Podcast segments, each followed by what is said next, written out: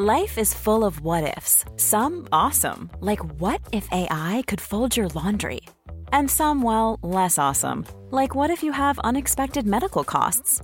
United Healthcare can help get you covered with Health Protector Guard fixed indemnity insurance plans. They supplement your primary plan to help you manage out of pocket costs. No deductibles, no enrollment periods, and especially no more what ifs. Visit uh1.com to find the Health Protector Guard plan for you. Selling a little or a lot? Shopify helps you do your thing however you cha-ching. Shopify is the global commerce platform that helps you sell at every stage of your business. From the launch your online shop stage to the first real life store stage, all the way to the did we just hit a million orders stage. Shopify is there to help you grow. Shopify helps you turn browsers into buyers with the internet's best converting checkout. 36% better on average compared to other leading commerce platforms because businesses that grow grow with Shopify. Get a $1 per month trial period at shopify.com/work. shopify.com/work. Systrarna Elvstrands hästpodd är producerad av Media House by RF. Tjenare allihopa! Nu är det dags att dra igång avsnitt 9 av systrarna Älvstrands hästpodd. Ja, och i det här avsnittet så tänkte vi snacka om våra kroppar. Eh, nu kanske ni tänker bara, jaha, varför ska ni snacka om kroppar? Men det är nämligen så att jag och Emma, vi har lite diverse diagnoser och eh, svagheter med våra kroppar. Så vi tänkte ta och prata om dem i ett avsnitt helt enkelt. Ja, man kan ju kort och gott sammanfatta det som att vi är ju inte ens 30 år gamla, men vi har väl kroppar som typ i alla fall en 70-åring skulle jag säga. Ja, men typ alltså. Ja. Ja, så att vi ska ta och snacka om det och eh, prata lite om eh, hur vi gör för att hålla oss så fräscha som möjligt. För det är ju alltid väldigt mycket fokus på att hästarna ska vara fräscha. Men det är minst lika viktigt att vi ryttare är så fräscha som vi kan. Ja men verkligen och jag kan säga att jag är så avundsjuk på de som har inom stationstecken normala kroppar med kanske bara lite så här, ja, normala skevheter och inte har sådana problem som vi har. Men det är helt enkelt bara att göra det bästa av situationen och det är lite det som vi ska prata om.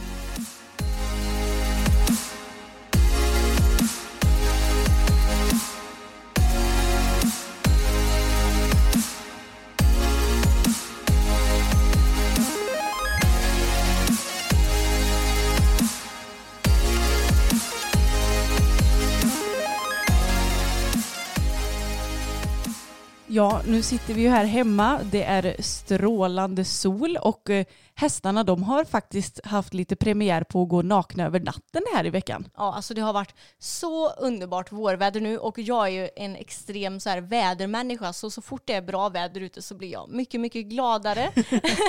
så jag njuter ju verkligen nu kan man säga. Det har varit typ 15 grader och sol ute va? Ja, alltså vi har ju till och med solat en liten, liten sväng på mammas, mamma och pappas altan. Ja, alltså det gäller ju att börja vänja kroppen nu inför sommarens solstrålar så att man inte bränner sig. Och speciellt du då, Anna. Ja, alltså ni som inte känner oss, ni vet inte riktigt våra skillnader. Jag är man ju lika på många vis. Men jag vet inte riktigt vad som händer med mitt pigment. För Nej. både mamma och pappa blir bruna och du också. Mm. Och bränner er väl inte jättelätt. Det är klart att ni kan bränna er men inte som mig. Nej. Men jag däremot, det är som att jag har råkat korsats med en rödhårig pigment. För att jag är så känslig och jag bränner mig extremt lätt. Så att eh, jag får vara väldigt noga med eh, solskyddsfaktor. Det ska ju förvisso alla vara, oavsett om man bränner sig eller inte. Men eh, gör jag inte det, då blir jag en kräfta och har väldigt ont. Ja, du är familjens vita får kan man ju säga. Ja, men lite så. Och du får ju alltid tänka på på sommaren, åh nej nu måste jag smörja in mig. Så behöver ju inte jag tänka till exempel. Nej, och ja, vi kan ju snacka om det lite grann. Att jag tycker att det är fruktansvärt jobbigt att behöva vara solskyddsfaktor kladdig när man ska rida och när man ska anstränga sig. Det är en grej när man liksom ligger på stranden och smörjer in sig när man ligger och solar. Liksom. Men när man ska rida och svettas, jag, jag tycker det är så himla otrevligt. Men det finns ju ingenting att göra åt saken. Nej. Men oftast så brukar jag rida i långärmade tunna tröjor istället så att man inte behöver täcka kroppen med solkräm. Det brukar jag med göra, fast det är inte för att jag inte vill bränna mig utan det är för att undvika bonnabränna. Jo, det med. ja. Men i alla fall, på tal om det här fina vädret så har ju hästarna haft det väldigt gött också. Som sagt, de har gått utan täcken två nätter den här veckan. Inte illa. I början av april liksom. Så skönt. Sen går de utan täcken, ja, hela dagarna långa också. Men ifall det ska bli kallare på nätterna så tar vi på hästarna tecken. Och de har gått väldigt bra när vi har ridit. Alltså det finns liksom ingenting att klaga på just nu känns det som. Nej, och dessutom så har vi bockat av årets första kondispass för våra gamlingar. Ja, det har vi gjort och det är ju så roligt för på vintern så är ju underlaget som det är ute så då är det ju inte jättelätt att konditionsträna hästarna.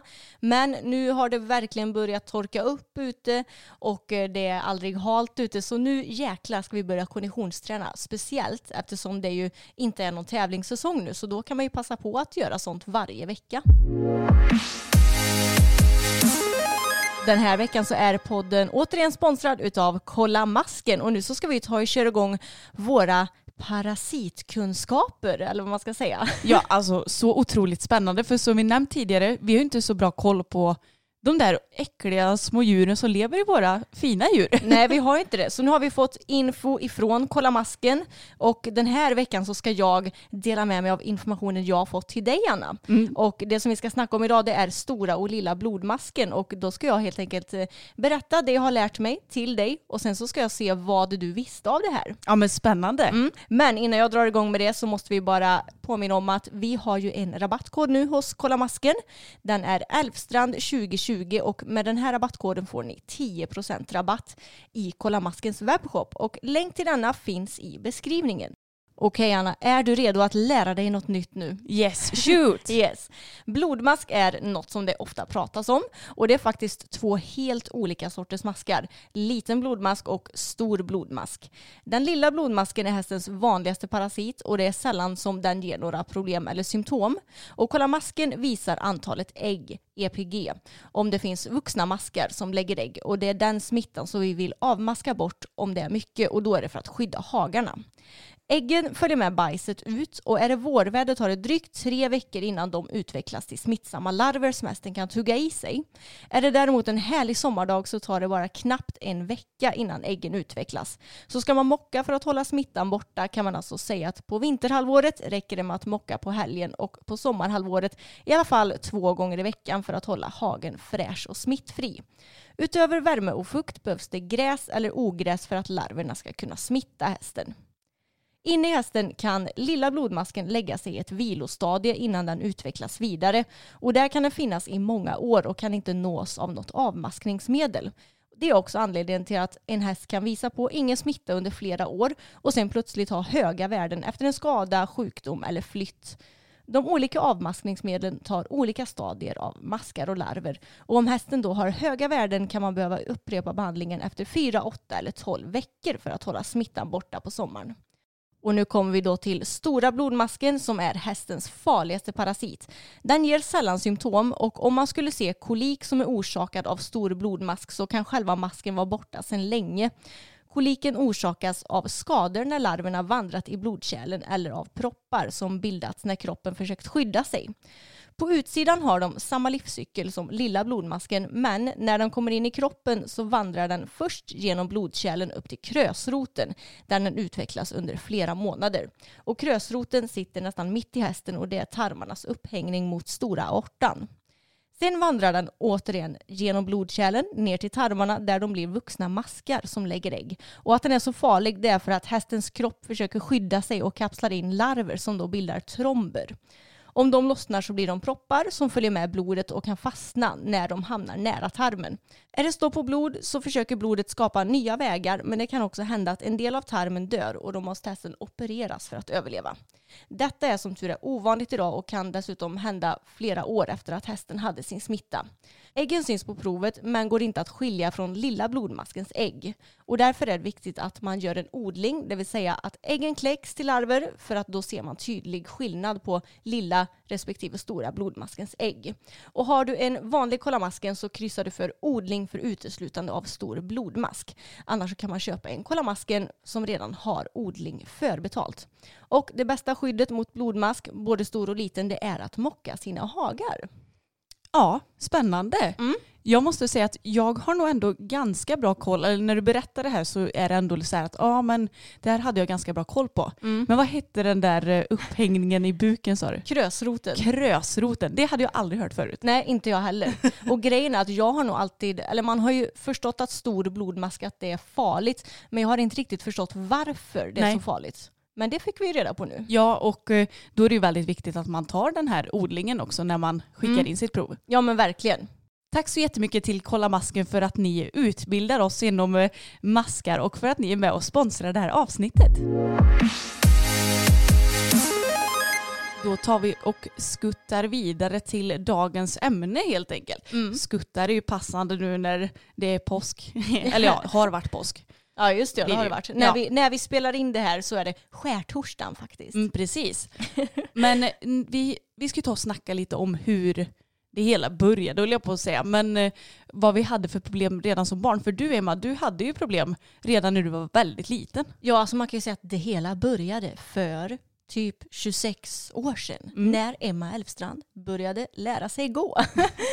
26 år sedan. Nej men jag Du började... fyller väl 29 år eller? Ja just det ja. Okej, Mm. 27-28 år sedan. Ja. Ja, jag, jag började ju gå ganska sent och har ju vi fått höra från våra föräldrar. Både jag och Anna började ju gå sent. Men i vilket fall som helst, när jag började gå, då kunde inte jag vara ett normalt barn som liksom gick på hela fötterna. Nej, jag skulle ju då börja gå på tå. Och alltså seriöst, när man kollar på filmer från när vi var små, jag springer runt som en liten ballerina. Mm. Alltså, Och det är konstigt för du har ju sån balans även på tårna. Ja, ja, och det är inte så att jag bara går på tå utan jag springer på tå också. Det ser ju gulligt ut, men alltså, jag tror faktiskt att det här påverkar mig än idag, för jag är ju så kort i mina muskler i baksida lår och vader och allt vad det nu kan vara. Och för att råda bot på det här tågångeriet så fick ju jag sova med skenor som anpassades till mig på sjukhuset. Mm. Men hur var det då? För de hade du på för att sku- man skulle typ sträcka ut eh, musklerna då? Eller vad, Ja, ja, vad, precis. vad hjälpte de för? Ja, men eh, de hade jag på på natten för att eh, ja, jag skulle typ stretcha hela natten lång eller vad man ska säga. Mm. Och det var inte så att det var en ordentlig stretch för en vanlig person utan det höll ju bara min fot egentligen i ett normalt läge istället för att jag skulle liksom dra upp hälen. Eh, Men det hjälpte ju uppenbarligen för nu går jag inte på tå längre. Jag går på mina, hela mina fötter så som man ska göra. Men som sagt jag är fortfarande väldigt kort i mina muskler i baksidan och det är ju något som jag borde jobba på bättre men jag tycker det är så fruktansvärt tråkigt att stretcha. Det gör ont, det är obekvämt och när man är så stel som jag är så känner jag mig så himla dålig också när jag ska stretcha. Ja, men det är verkligen samma här och vi borde bli bättre på det. Mm. I synnerhet i benen. Men alltså, åh, det är så tråkigt. Ja, och alltså det här det gör ju att jag har ju alltid haft väldigt svårt för att trampa ner hälen till exempel när jag rider. Eh, Det, är ju, det underlättar ju att ha en lite, vad ska man säga, längre baksida när man rider för då får du ett mer naturligt tramp i stigbygeln, skänken kanske ligger bättre på plats. Men det har ju blivit mycket bättre med åren såklart, men jag borde fortfarande jobba vidare på det helt enkelt. Men i alla fall, sen så kom ju då de här härliga tonåren när man har sina problem med killarna i skolan som är skitjobbiga och sådär. Vad händer då? Jo, då, när jag är 14 år så börjar jag få jätteont i min bröstrygg, alltså den övre delen av ryggen. Och jag har haft ont i min bröstrygg sedan jag var 14 år och nu är jag, ja jag fyller 29 år i år. Så i 15 år har jag haft konstant ont i min bröstrygg. Jag har ont nu när vi spelar in också kan jag säga för jag sitter inte sådär jättebekvämt för att man måste sitta nära micken och sådär. Jag får inte riktigt bak mina axlar. Men seriöst, eh, vad ska man säga, historiskt sett i mitt liv, alltså jag har haft så ont i min bröstrygg så jag har känt att alltså är det värt att leva om jag ska gå och, och ha så här ont? Mm. Och det är ju fruktansvärt när man känner så. Och det vet jag att vi är ju verkligen inte ensamma om att känna så. Eller du. Jag har inte riktigt sådana problem. Även om jag också har ont i min rygg faktiskt. Mm, ja, precis. Och jag har ju sökt för det här hos, eh, jag vet inte om det var läkare eller om det var eh, sjukgymnast. Men det enda de sa det var ju typ att jag skulle börja träna. Men det här var ju då innan vi började gymma och jag kände att nej, jag orkar inte. Du ursäkta, du gjorde ett program men du provade det typ två gånger och sen sa du nej jag får bara onder av det här. Jaha. Så då slutade du. Jag Kommer såg- du inte ihåg det? Nej, Du köpte ju till och med en pilatesboll och hade hemma. Ja, jag köpte en pilatesboll och ett sånt här typ gummiband som Mm. jag skulle använda och liksom dra emot mig. Ja, men så kan det nog vara. Men jag tänkte kanske inte riktigt då att det var för att ryggen höll på att bygga upp sig. Nej precis och det kräver ju lite tid och engagemang innan det blir bättre. Ja. Många gånger. Ja men verkligen. Men när jag var sådär ja, 23, kanske 23-24, då hade jag som ondast. Och det gjorde skitont för det gör ont att ligga, stå, sitta. Alltså jag känner mig aldrig bekväm verkligen. Och när man rider då vill man ju gärna få bak sina axlar, ha en bra hållning. Och jag har insett att anledningen till att jag har så himla ont i min rygg det är för att jag är extremt svag i min bröstrygg och i mina axlar. Och nu så har ju du och jag gymmat regelbundet i eh, snart fyra år.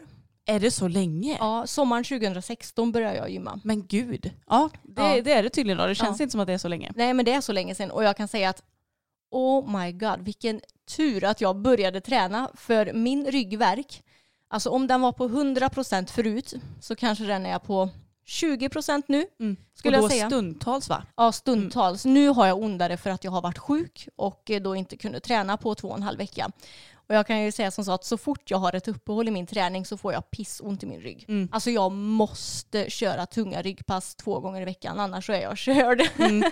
Men det är faktiskt lite samma här för i och med eh, ja, men all corona och sådär så har jag blivit lite såhär, nej jag vill inte hålla mig på gymmet men nu säger du att det är så extremt lite folk där så jag tror ändå att jag ska ta mig tillbaka snart. Ja. Men eh, då har jag varit ute och gått istället bara. Och jag känner att, alltså jag älskar verkligen att gå promenader. Jag tycker att det är den trevligaste träningsformen som finns.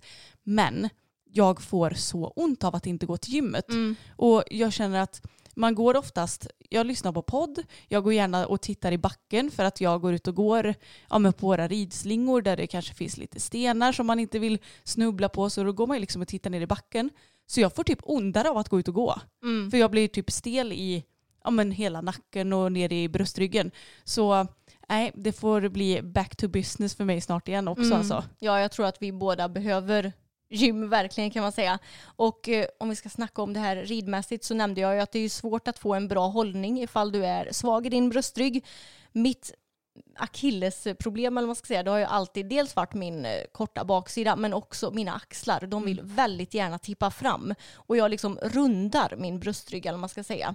Jag skulle vilja bli ännu starkare så att jag orkar hålla ihop axlarna när jag rider och kan sitta mer rakt i sadeln och känna mig stark. För jag tror att den träningen som jag har gjort nu på gymmet, den har liksom gjort så att jag inte har ont längre, eller har mycket mindre ont, så jag har ju blivit mycket starkare. Men nu vill jag ju träna så att jag verkligen kan bli stark i sadeln också. Mm.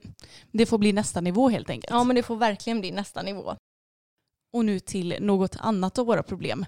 Både jag och Emma, vi har höftproblem. Roligt nog. Mm, kärringarna. Ja, vi gamla tanter. Oh ja. Nej, men jag vet att jag började få ont för ganska länge sedan. Mm. Eh, det var när vi fortfarande tränade för vår gamla, gamla dressyrtränare.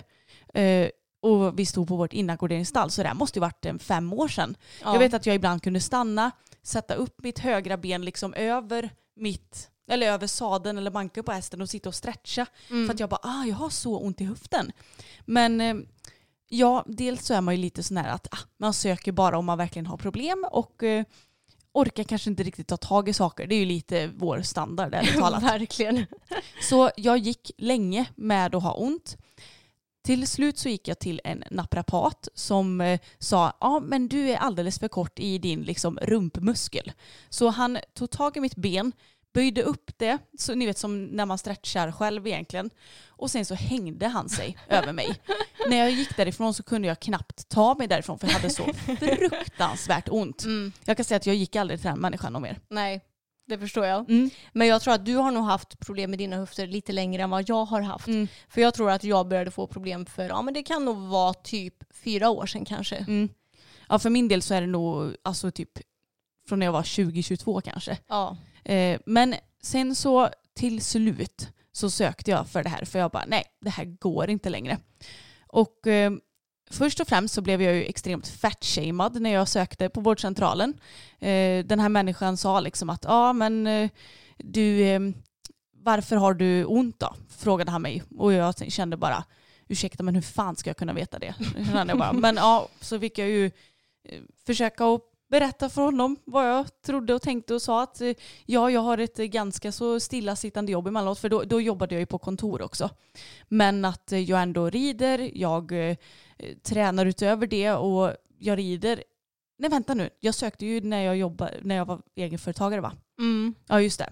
Men det är ju lite stillasittande jobb vi har emellanåt. Jo. Men jag sa att jag har ändå en väldigt aktiv vardag med att rida ja, men två hästar nästan varje dag och så här. Och eh, gymma utöver det. Men ändå så tyckte han liksom att ja men du har ju antagligen ont för att du är för tjock sa han typ till mig. Nej inte literally men Sa han, inte, har du någonsin, nej vänta, har du funderat på att gå ner i vikt? Ja exakt så Mm. sa han. Och eh, alltså läkare, snälla någon. Eh, för det första så vet jag att jag inte är normsmal. Men det finns ju Alltså, jag kan bli lite trött på läkare som bara klickar ur sig sånt här när de inte har någon aning om vad man har för bakgrund. Nej. Hela mitt liv fram tills att jag blev lite mer trygg i mig själv så har jag liksom känt att jag måste gå ner i vikt och, och lalala. Alltid varit liksom inställd på att jag är för stor. Och då var det bara så här, ah, jag kände bara tack och lov att han ändå sa så till mig som egentligen inte bryr mig så mycket om vad andra säger. Men det hade ju lika gärna kunnat varit till någon eh, före detta ätstörd eller någonting. Och då hade det kanske triggat extremt mycket. Ja och framförallt är det konstigt att han säger så när du ändå har sagt att du rider två hästar om dagen, att du gymmar varje dag. Jag menar har man en sån aktiv livsstil då kanske han snarare kan fråga vad du brukar äta eller sådär så att han har koll på din hälsa. För det är, ju, det är ju helt orelevant egentligen vad du, eller hur du ser ut så länge du har en hälsosam eller ohälsosam livsstil. Ja men precis. Men nu ska inte det här handla om utseende och vikt. Men det är ju ändå en liten del i det hela. Men hur som helst så blev jag skickad till röntgen från den här vårdcentralläkaren. Och ehm, då konstaterade de väl egentligen att jag hade pålagringar på mina höfter. Och ville att, eh, eller de, de lovade mig typ guld och gröna skogar för de sa att ja men det är bara en titthålsoperation bort och det är bara att skrapa bort det, liksom pålagringarna som har blivit. Det hade jag i båda mina höfter. Eh, jag har värre på höger sida än vänster så jag har mycket mer ont i min högra höft än vänstra höft. Men så skulle de bara göra en magnetröntgen för att liksom se från alla håll och kanter. Och eh, när jag hade gjort den här magnetröntgen och ett par veckor senare så fick jag ju då mitt svar och då hade de bara skickat ett brev där det stod att eh, du har artros, vi kan inget göra, tack och hej ungefär. Så jag fick ingen information om vad artros är, om det finns något man ska förhålla sig till, om eh, det finns några dos and don'ts liksom. Alltså ingenting. Och jag tyckte det var så himla märkligt att bara släppa mig med en diagnos utan att ens liksom Ja men inte ens skicka en eh, länk till här kan du läsa mer om hur man ska bete sig typ. Mm. Nej, superkonstigt verkligen. Och dessutom, jag tänker att om du har de pålagringarna, även om du har artros, Mm. så borde du väl kunna skrapa bort dem och att det borde hjälpa dig. I don't know, jag är ingen läkare men Nej. eh, jag har artros i högra höftleden i alla fall. Mm. Inte i vänster för det har jag tydligen bara pålagringar då men eh, ja. Jag vet inte, jag, jag är ju lite sån här också att när man har fått ett sånt här svar från en läkare så man orkar liksom inte riktigt ta tag i det. Även om jag kanske borde söka hos någon annan läkare eller privat eller någonting för att få en second opinion eller någon som kanske kan hjälpa mig på något vis. Men man pallar typ inte. Nej, jag förstår det. Men artros, är inte det typ som en kronisk inflammation Jo. i leden då?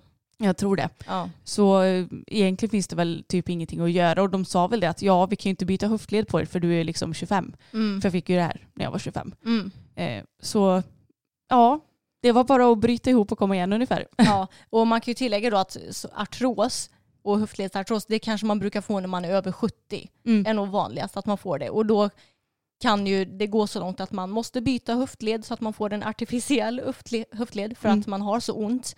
Och jag har egentligen haft precis samma problem som dig. Om man ska beskriva smärtan så kan man säga att det är en huggande smärta. Mm. Alltså det känns som att man får knivhugg inifrån kroppen och det kan liksom komma så snabbt. Eh, sen kan det också vara en molande smärta, att det känns som att man har ett knivhugg hela tiden oavsett vilken vad ska man säga, ställning man befinner sig i. Och eh, då kanske ni förstår att när man rider och liksom sitter ändå med höfterna brett isär och ställer sig och sätter sig ner i sadeln, det är inte optimalt kanske om man har höftproblem. Nej. Och jag har också haft superont, alltså vi båda har haft så ont att vi har knappt har kunnat rida stundtals. Mm. Det, har, det har varit riktigt vidrigt vissa perioder alltså. Mm. Och framförallt den här molande verken som du säger, den är så jobbig för att man det blir så påfrestande att gå och ha ont hela hela tiden. Mm. Men det värsta är ju nästan det här huggande. För då går man och är beredd på att det ska komma hela tiden. Och rätt vad det är så kommer det. Och ibland så får man så ont att man typ tappar benet. Ja. Om man är ute och går eller ska gå någonstans till exempel. Ja verkligen och ett exempel kan ju vara om man sätter sig ner på knä och ska typ borsta hästen på benet och sen reser sig upp. Mm. Det är ju verkligen en sån situation då det verkligen kan hugga till i höften så att man nästan ramlar ihop av smärta. Mm. Och eh, jag har eh, fått väldigt ont om jag typ har dressyrtränat för en tränare som har velat inom stationstecken sätta mig korrekt i sadeln. Mm. Så att hon har liksom tagit och dragit i mina ben. Det är döden för mina höfter kan jag säga. För jag tror inte att du och jag kanske kan sitta helt normbra i sadeln för det gynnar inte våra höfter utan då kan vi få ännu ondare. Och jag har också märkt att vi har ju köpt en ny sadel till boppen och den passar inte mina höfter helt korrekt heller för jag får lite ont i höften av att rida i den men eftersom det handlar om max en timme om dagen, alltså det funkar Mm. och jag har absolut inte så ont i mina höfter nu som jag hade för fyra år sedan. Tre, fyra år sedan för då var det för jävligt kan man ju säga. Mm. Ja men det är riktigt jobbigt. Och eh, jag kan säga att för min del, eftersom jag har ondast i högerhöften, så sitter jag mycket bättre i sadeln i vänster varv och kan liksom komma bak med min vänsterskänkel lite mer. Men min högerskänkel den kommer lite längre fram automatiskt eftersom jag har problem med den. Så att ja, man får lite skita i det helt enkelt. Man får Mm. försöka sitta så bra man kan utan att ha ont. Ja men precis. Och eh, jag har ju också sökt för mina höftproblem. Det gjorde jag 2017, 2018. Och eh, jag fick också röntga mig och då såg de att jag hade pålagringar också. Så jag har också pålagringar på mina höfter. Jag har ondast i vänsterhöften så det är motsatt för dig då. Och sen så sa de att, eh, ja, jag var inne, det var precis innan ditt och Samuels bröllop så det är nästan två år sedan. Mm. Och då sa de att de hade skickat en remiss vidare för att jag skulle opereras. Men sen dess, det är ju nästan två år sedan, jag har inte hört ett ljud ifrån sjukvården om mina höfter. Nej. Så eh, jag tror inte att det kommer bli någon operation. Och som sagt, alltså, jag orkar inte ta tag i det. Nej. Alltså man orkar inte. Jag har liksom eh, haft utmattningssyndrom och jag har eh, fått hypotyreosdiagnos det senaste året. Och när det är sådana här grejer, man orkar liksom inte ta tag i det. Nej, du har ju haft ett ganska dåligt år. Ja, Så det är klart att man inte pallar med sånt här. nej. Men det är tråkigt när man hamnar mellan stolarna.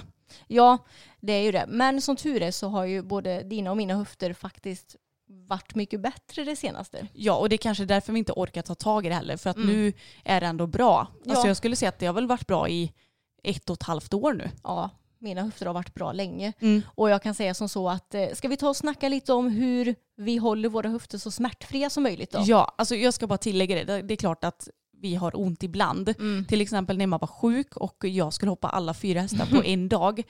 Det var inget bra kan jag säga, för då hade jag ont i några dagar efteråt. Mm. Men sen repade jag mig. Eh, Men jag ska lägga in det en liten anteckning bak i hjärnan att hoppa inte fyra hästar på en och samma dag för det Nej. pallar inte höften. Nej precis, skillnaden med vår smärta nu versus då det är att nu har vi ont ibland och inte sådär jättemycket. Förut hade vi så ont hela tiden så att det, alltså, det, det var återigen, det kändes typ inte som det var värt att leva om man skulle ha så ont tycker jag. Nej, alltså det var alltså tårarna brände.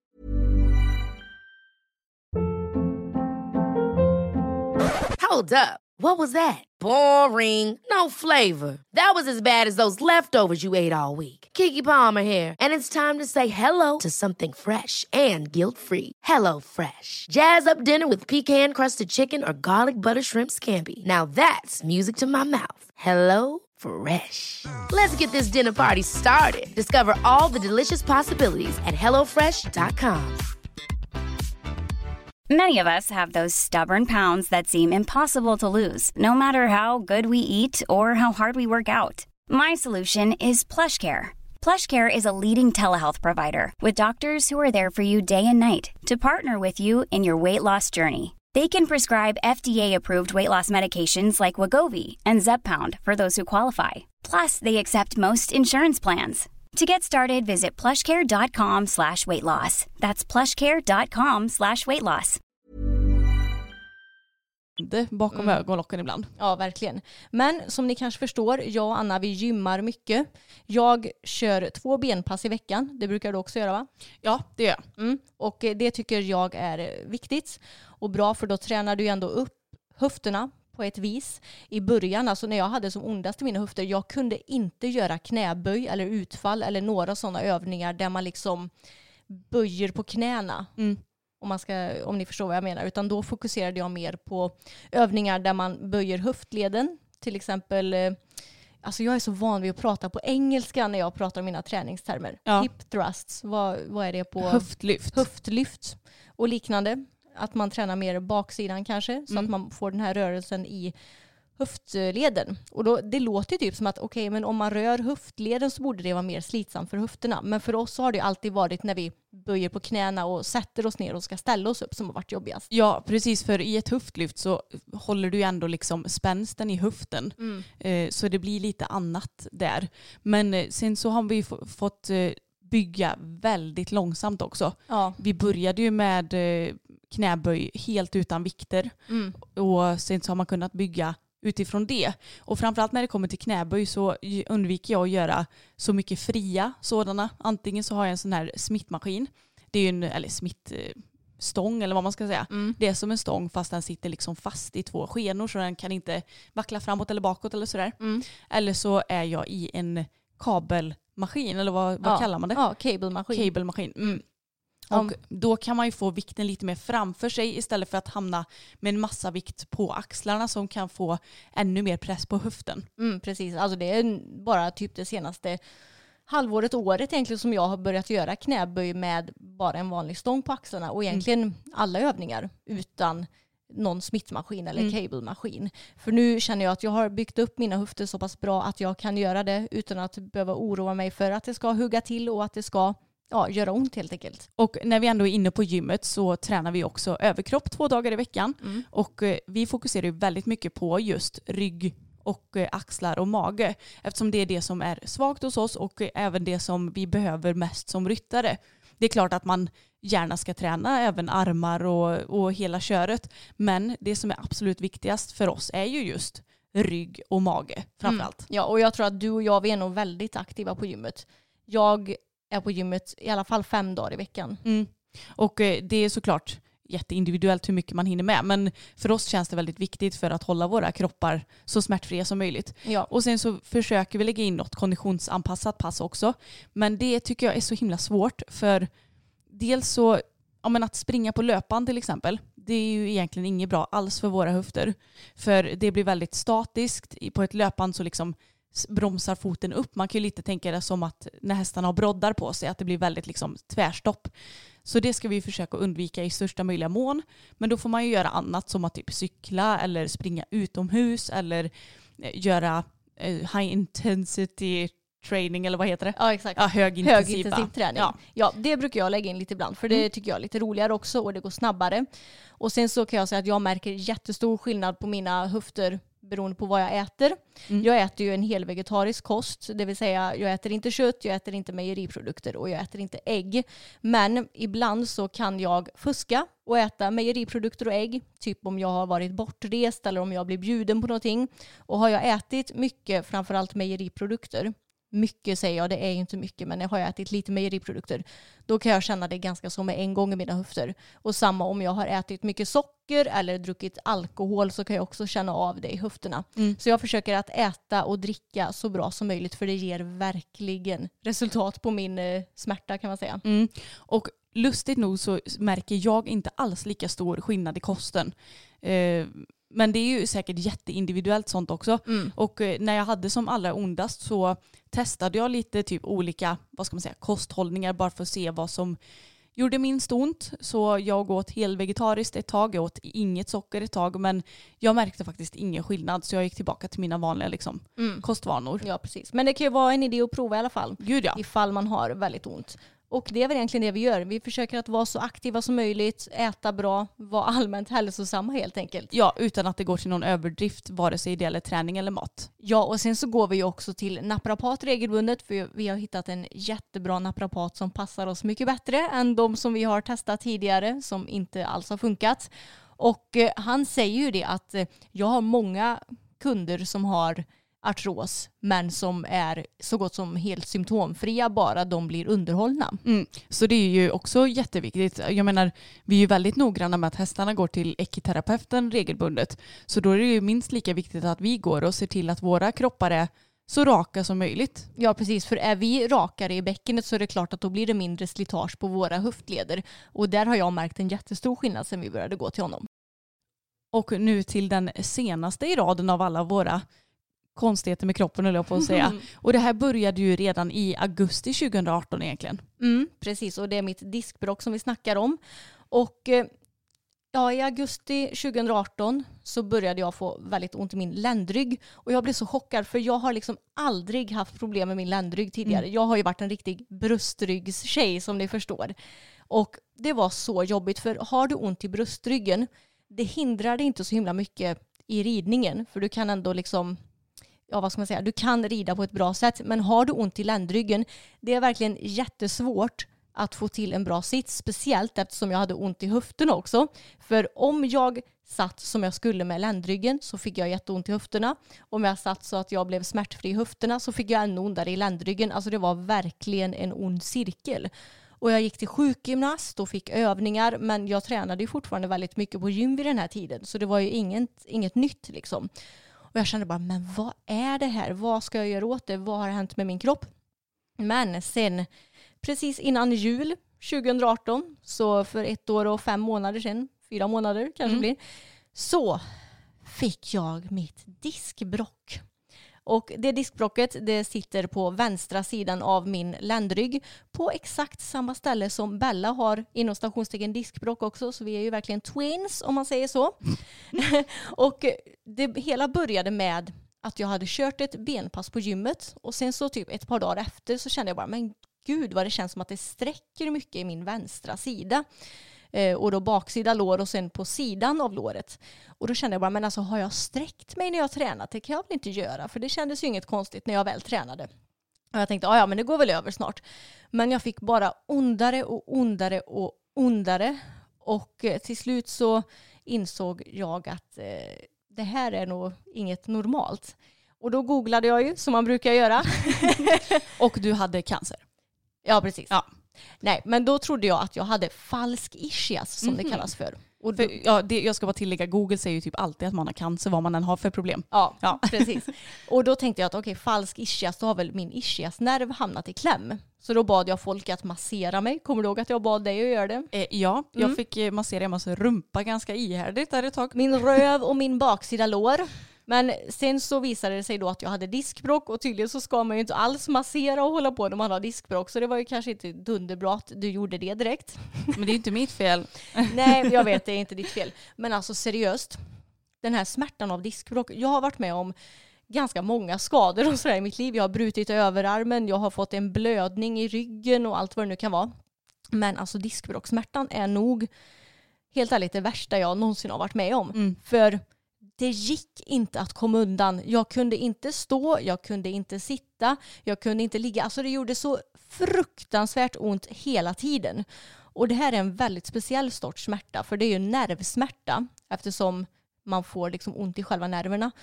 Och man kan säga att hela mitt vänstra ben från vaden och upp till rumpan det kändes som att det var någon som drog i det. Mm. Alltså det är nästan isade, det var någon som drog riktigt hårt i benet. Ja, jag skulle säga det, ilade det typ eller? Ja, det ilade. i- För man har ju varit med om att eh, ja, men typ om man ätit lite för mycket socker eller så, så kan du ila i tänderna. Ja, Och nu är ju inte det samma sak kanske, men ändå att man känner att det ilar. ja, men lite en sån smärta som Mm. inte går att undvika. Mm. Och eh, jag är ingen expert på diskbråck. Men det handlar ju om att en disk i ryggen har typ gått sönder och sen så sprids den här vätskan ut. Mm. Eh, tror jag. Jag kan säga fel nu. Jag, jag, är det inte så att disken åker ut lite åt vår kot och kommer liksom, alltså, jag vet inte. Nej. Vi får, vi får googla på det här Ja, efteråt. vi får googla på det. Men i alla fall, det är en vätska som sprids ut och nerverna blir väldigt drabbade. Eh, Ska vi googla på det här eller? Men jag tänker att vi kan ju ta och, eh, är du inne på 1177 nu Anna? Jajamensan. Så kan du förklara för våra lyssnare vad ett diskbråck är. Ja, men det är ju så här va, att diskbråck det är ju då ett ryggbesvär av, eh, som vi nu har förstått. Mellan ryggradens kotor så finns det små mjuka kuddar som kallas för diskar. Diskbråck är när disken buktar ut mellan två kotor. Det kan göra ont och hindra dig från att röra dig. Mm. Ja, så att det är ju alltså att den blir typ förskjuten då, Ja, disken. ja, precis. Och då antagligen klämmer nerven också skulle jag tro.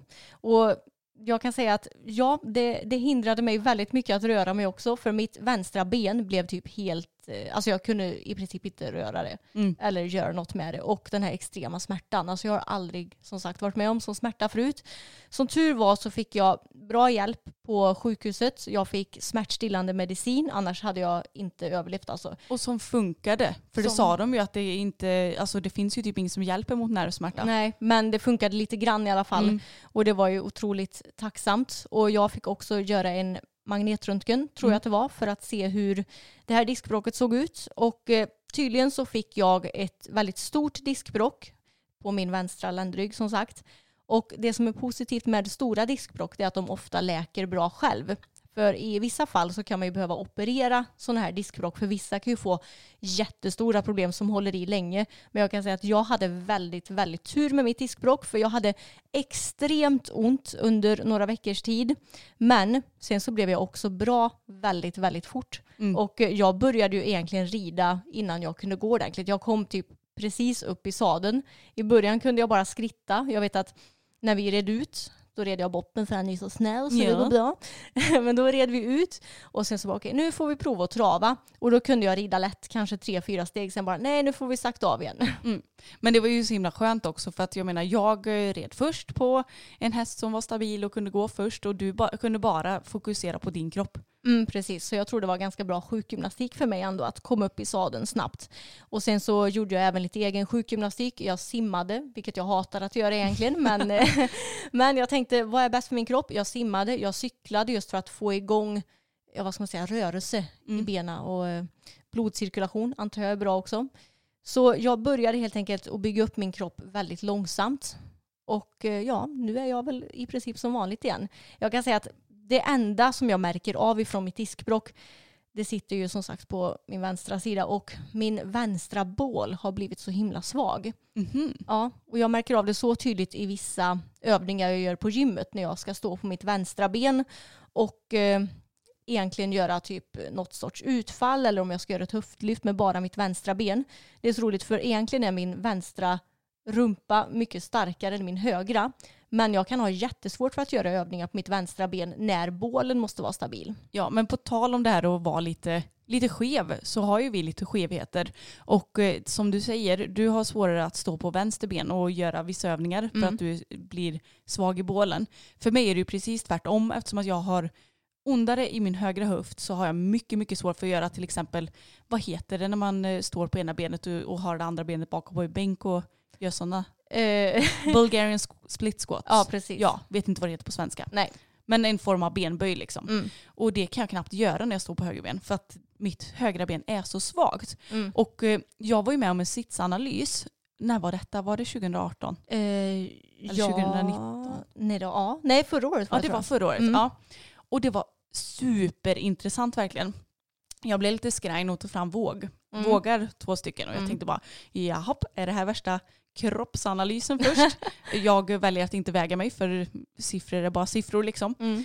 och eh, sätter sig gärna i huvudet så jag skiter i sånt. Men hon sa att du behöver inte vara orolig. Jag ska bara se liksom vilken sida av dig som väger tyngst. Mm. För då kan vi se vilken sida av dig som är starkast. Mm. Och när jag ställde mig på de här bägge vågarna så vägde jag 6 kilo mer på vänster sida. Ja, Fattar du hur mycket det är? ja, och Eller- jag, Alltså det, det, det är jättemycket det, och det är ju muskler då antagligen som väger mycket mer. ja, antingen säkert både muskler och att du lägger mer tyngd på din vänstra sida beroende på hur du står. Och jag är exakt likadan. Jag är också starkare i min vänstersida. Jag är väldigt svag i min, det här är ju lite intressant, jag är svag, svagare i mina högra magmuskler. Starkare i mina vänstra magmuskler men jag är svagare i min vänstra bål. Ja, hur går det till liksom? Ja, det, det är lite jobbigt får jag säga. Men det blir också då att jag lägger mer vikt på min vänstra sida. Mm. Men eh, så jag är ju väldigt skev och eh, det som är bra att veta om sånt här det är att man kan försöka bygga upp högersidan lite mer. Så att man till exempel gör fler repetitioner när man gör enbensövningar till exempel eller enarms. Eller att man tar lite högre vikt på högersidan så att man försöker att liksom jämna ut det där. Men det var bra för mig att veta och eh, framförallt så ska man ju försöka att inte bara stå på ett sätt när man står still heller. Nej precis, jag vill gärna stå och väga på mitt vänstra ben eftersom det är starkare. Me too. Mm. Så då försöker man att lägga över det lite grann. Men du har lättare för att rida i vänstervarv va? Ja, Det har jag lättare. också. Och det är ju för att då är ju min vänstra sida, som är min starka magsida, Mm. den är ju längst in. Mm. Och även min starka bensida och allt vad det är också längst in. Så då kan jag balansera upp mig lättare. Men det är ganska lustigt för egentligen använder man ju mycket yttersidor i ridningen. Men ändå så har jag mycket lättare för att rida i vänstervarv. Ja. Det borde ju vara tvärtom egentligen. Mm, precis. Men det som jag tänker på alltid när jag rider i höger varv, som är mitt svaga varv, det är att jag ska tänka upp med min högra axel så att jag verkligen sträcker upp min högra sida. För viker du dig i midjan, jag som viker mig i midjan i höger varv, då åker min högra axel ner och min vikt läggs till vänster. Och det innebär ju då att hästarna oftast går mer åt vänster, de formar sig bättre i höger varv och i vänster varv så kan de bli väldigt raka. Och seriöst, jag har haft det här problemet så länge jag kan minnas. När jag red på ridskola, alla hästar var för jävliga att rida i vänster varv för mig, men formade sig så fint i höger varv. Och då insåg jag att okej, men det måste ju vara mig som problemet är. Och nu har jag tränat på det här så jag är absolut inte lika skev som jag var när jag var yngre. Men det är fortfarande ett problem för mig. Ja, men man får ju helt enkelt försöka att träna upp sig så man blir så liksidig som möjligt. Ja men Anna, man kan ju lugnt säga att du och jag, vi har ju inte de optimala ryttarkropparna utan det är ju mycket som jobbar emot oss hela tiden. Ja, men verkligen. Men det är ju lite så att man föds med det man har och man får jobba med det man kan. Ja, precis så är det verkligen. Och eh, en annan liten, vad ska man säga, skevhet som jag har, det är att jag är väldigt, väldigt kobent. Mm. Och det innebär ju då, vad ska man säga, att mina lår och knän, de går ihop hela tiden. Och sen så är det ett stort mellanrum till mina smalben. Ja, men precis. Man kan tänka sig lite som, eh, alltså vad ska man säga, ett upp och ner på vänt Y lite så. Mm. Att låren är eh, kanten på yt och sen går det ut i två ben liksom. Ja, Om man förstår. ja, jag är motsatsen till hjulbent också. Ja, alltså egentligen borde ju hjulbenta personer vara de bästa ryttarna. Ja men det känns som det, för Ja. de sitter ju inte och klämmer åt hela tiden. Nej, de är ju redan liksom rundade i benen så Mm. då, då är det bara att sätta in en häst där. Ja, men exakt. Och det som är jobbigt med att vara kobent det är att mina knän och lår de klämmer ju hela tiden emot sadeln. Mm. Alltså jag kan ju inte göra något åt det för jag är ju byggd så här. Jag kan ju inte ändra på hur mitt skelett ser ut eller vad det nu Nej. är. Eh, och sen så mina fötter, jag har väldigt svårt för att liksom hålla om mina vader emot hästen för de vill gärna peka rätt fram mina fötter. Ja men de vill ändå peka rätt fram. Mina Ja. vill gärna peka rätt ut. Ja, nej men det vill ju inte mina utan de pekar ju rätt fram. Ja. Men det är ju för att jag är kobent. Du är ju lite mer normalbent än vad jag är. Jo, men jag är ju också något kobent. Jo. Så jag håller med, eller det, det är väldigt svårt för att när man sitter ner i traven framför allt, Mm. då vill man ju gärna vara så lätt som möjligt i liksom knä och lår så man inte sitter och bromsar hästen. Ja. Men det är jäkligt svårt alltså. Mm. Det är ju säkert svårt för alla, men det är ju extra svårt när benställningen är lite Mm. liksom klämd här uppe. Ja, precis. Nedsittning i trav och även när man hoppar Mm. skulle jag säga påverkar påverkas mest av min kobenthet. För när Mm. jag hoppar då blir det gärna att jag kan liksom inte riktigt släppa knäna och då blir det att skänklarna gärna hamnar bakåt och att man tappar balansen. Så ja, det är jobbigt men det är något som jag har levt med hela mitt liv så man får helt enkelt lära sig att eh, anpassa sig.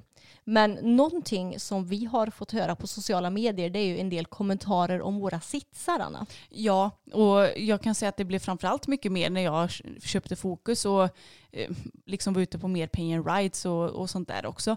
Att eh, ja men eh, du sitter i sån stolsits och bla bla bla. Alltså det var mycket, mycket kommentarer om sitsen och till slut blev jag så trött på det så jag bara alltså nu får ni sluta kommentera min sits för jag, jag gör så gott jag kan liksom.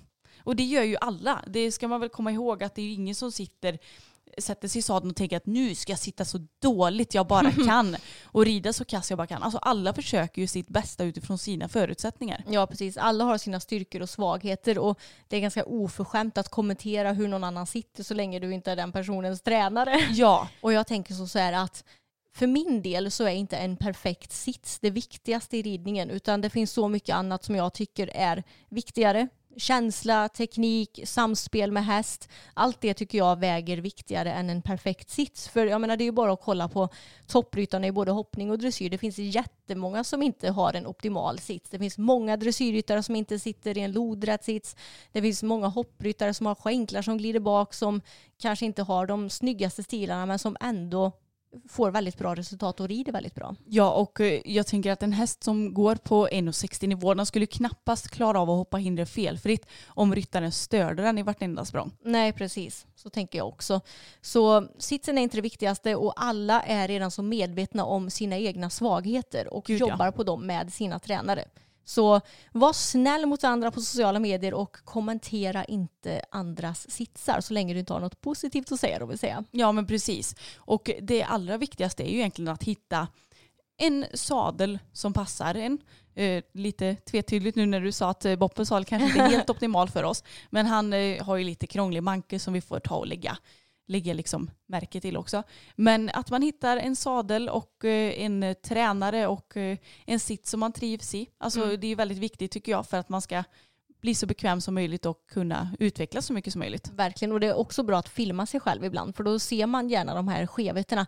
Jag blev till exempel lite galen när jag såg en av våra senaste stallvloggar när vi dressyrtränar och jag viker mig så mycket i högersidan och jag bara Oh, jag blir galen när jag säger upp med höger axel, sitt inte och vik dig i sidan, du vet ju det men det blir som en liten försvarsmekanism också när, för just nu vill Bella gärna tränga inåt i höger varv. Mm. Och då blir det verkligen en försvarsmekanism. Men jag ska ju fortfarande sitta rakt i sadeln. Men Mm.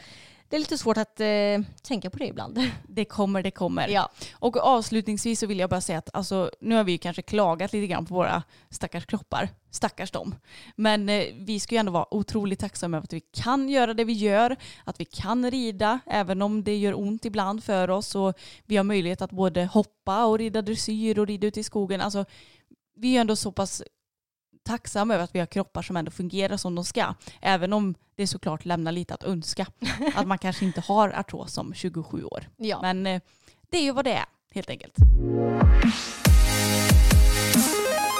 Och då ska vi dra en liten veckans snackis den här veckan. Och det är ju lite korrelerat till det som vi pratar om i dagarna. Ja, och hur snubblade du in på det här nu då Emma? Alltså jag tror att det var någon svensk Instagram-sida som hade delat det här. Och det är alltså Kent Farrington, en amerikansk hoppryttare som är rankad som nummer 11 i världen just nu enligt FEI. Och han hade då lagt upp Monday Motivation på sin Instagram och då tränar han. Han står på sina, vad ska man säga? Knogar. Ja, på sina Mm. knytnävar och gör armhävningar. Han står och gör, alltså han står på dem som om han står på händer och gör axelpress. Alltså det är helt galet. Ni måste gå in och kolla på det. Team KPF heter han. Och man ser verkligen hur vältränad han är som kan göra sånt här.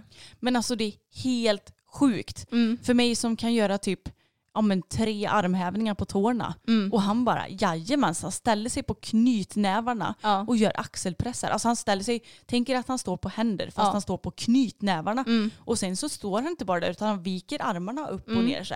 Ja. Jag fattar inte. Nej, Alltså det, hur mycket styrka krävs inte det? ja, det är många andra ryttare som har kommenterat eh, att det är en challenge och sådär. Ja, Det är lite roligt och jag tycker det är kul när ryttare delar att de faktiskt tränar också. Mm. Och jag vet inte riktigt hur vanligt det är att toppryttare tränar utöver hästarna. För jag kan tänka mig att det tar ju väldigt, väldigt mycket tid att arbeta på heltid med hästar. Och jag kan också tänka mig att det kanske inte är jättemotiverande att dra till gymmet om man redan har ridit tio hästar på en dag. Nej men lite så. Men samtidigt så kanske de behöver det allra mest som ändå sitter så pass mycket i sadeln och behöver alla små muskler på rätt plats. Liksom. Mm. Så att det är ju otroligt nyttigt oavsett nivå egentligen. Ja, och jag tror tränar. det gynnar säkert dem väldigt mycket också. För har du den här lilla extra styrkan då kanske du kan prestera lite extra bra på det här mästerskapet eller vad det nu kan vara. Mm. Men det finns ju vissa ryttare som tränar mycket. Kent Farrington gör ju uppenbarligen det. Eh, ja, Sen så den danska dressyrryttaren Katrin Dufour, hon tränar ju också mycket, lägger upp mycket på det i sina sociala medier och det tror jag att många tycker är väldigt inspirerande att se. ja, men jag tycker också det. Och jag tycker det är så trevligt att se att det liksom delas på ett bra sätt också. Mm. För att eh, man kan ju väva in lite det där med träningshets också. Ja. Att eh, det är klart att det är inte så bra om någon bara Åh, måste göra så här och äta så här och lalala. Men det är ju aldrig något sånt utan det är bara så här, ja men idag har jag sprungit. Jag såg att hon hade sprungit 1,8 mil. För att hon hade lagt ut så här, ah, hur, hur långt ska jag och min flickvän springa idag? Så hade hon lagt upp typ 1,6, 1,8 eller 2. Och alla hade röstat på 1,8 så då blev det det. Åh herregud. Alltså det är helt galet. Den människan måste vara sjukt vältränad. Ja, men det, det är på ett bra sätt liksom. Mm, precis. Och jag tror också att ryttare, de har nog många gånger en bra syn på sin kropp för att de ser verkligen sig själva som atleter och de tränar för att bli bättre på hästryggen. Mm. Precis som vi gör, vi tränar för att bli bättre på hästryggen och för att vi inte ska få ont i våra kroppar. Ja, det här avsnittet blev lite gott och blandat faktiskt. Mm. Kul tycker jag. Kul att snacka lite träning och lite kassa kroppar men ändå tacksamma kroppar.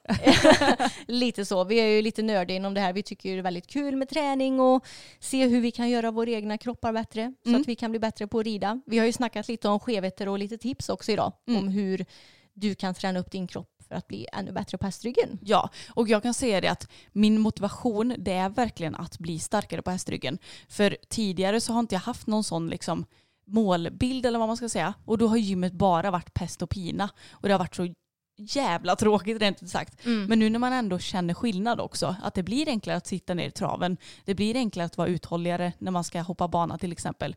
Det är en väldig motivation faktiskt. Mm, jag håller med. Det är superroligt. Men hörni, tack så jättemycket för att ni har lyssnat på det här avsnittet och glöm inte bort att prenumerera på podden så ni inte missar när vi lägger upp nya avsnitt. Och all information om det som vi har snackat om det hittar ni i beskrivningen till det här klippet och där hittar ni även länkar till våra andra sociala medier. Ha det så jättebra så hörs vi om en vecka igen hörni. Det gör vi. Hej då!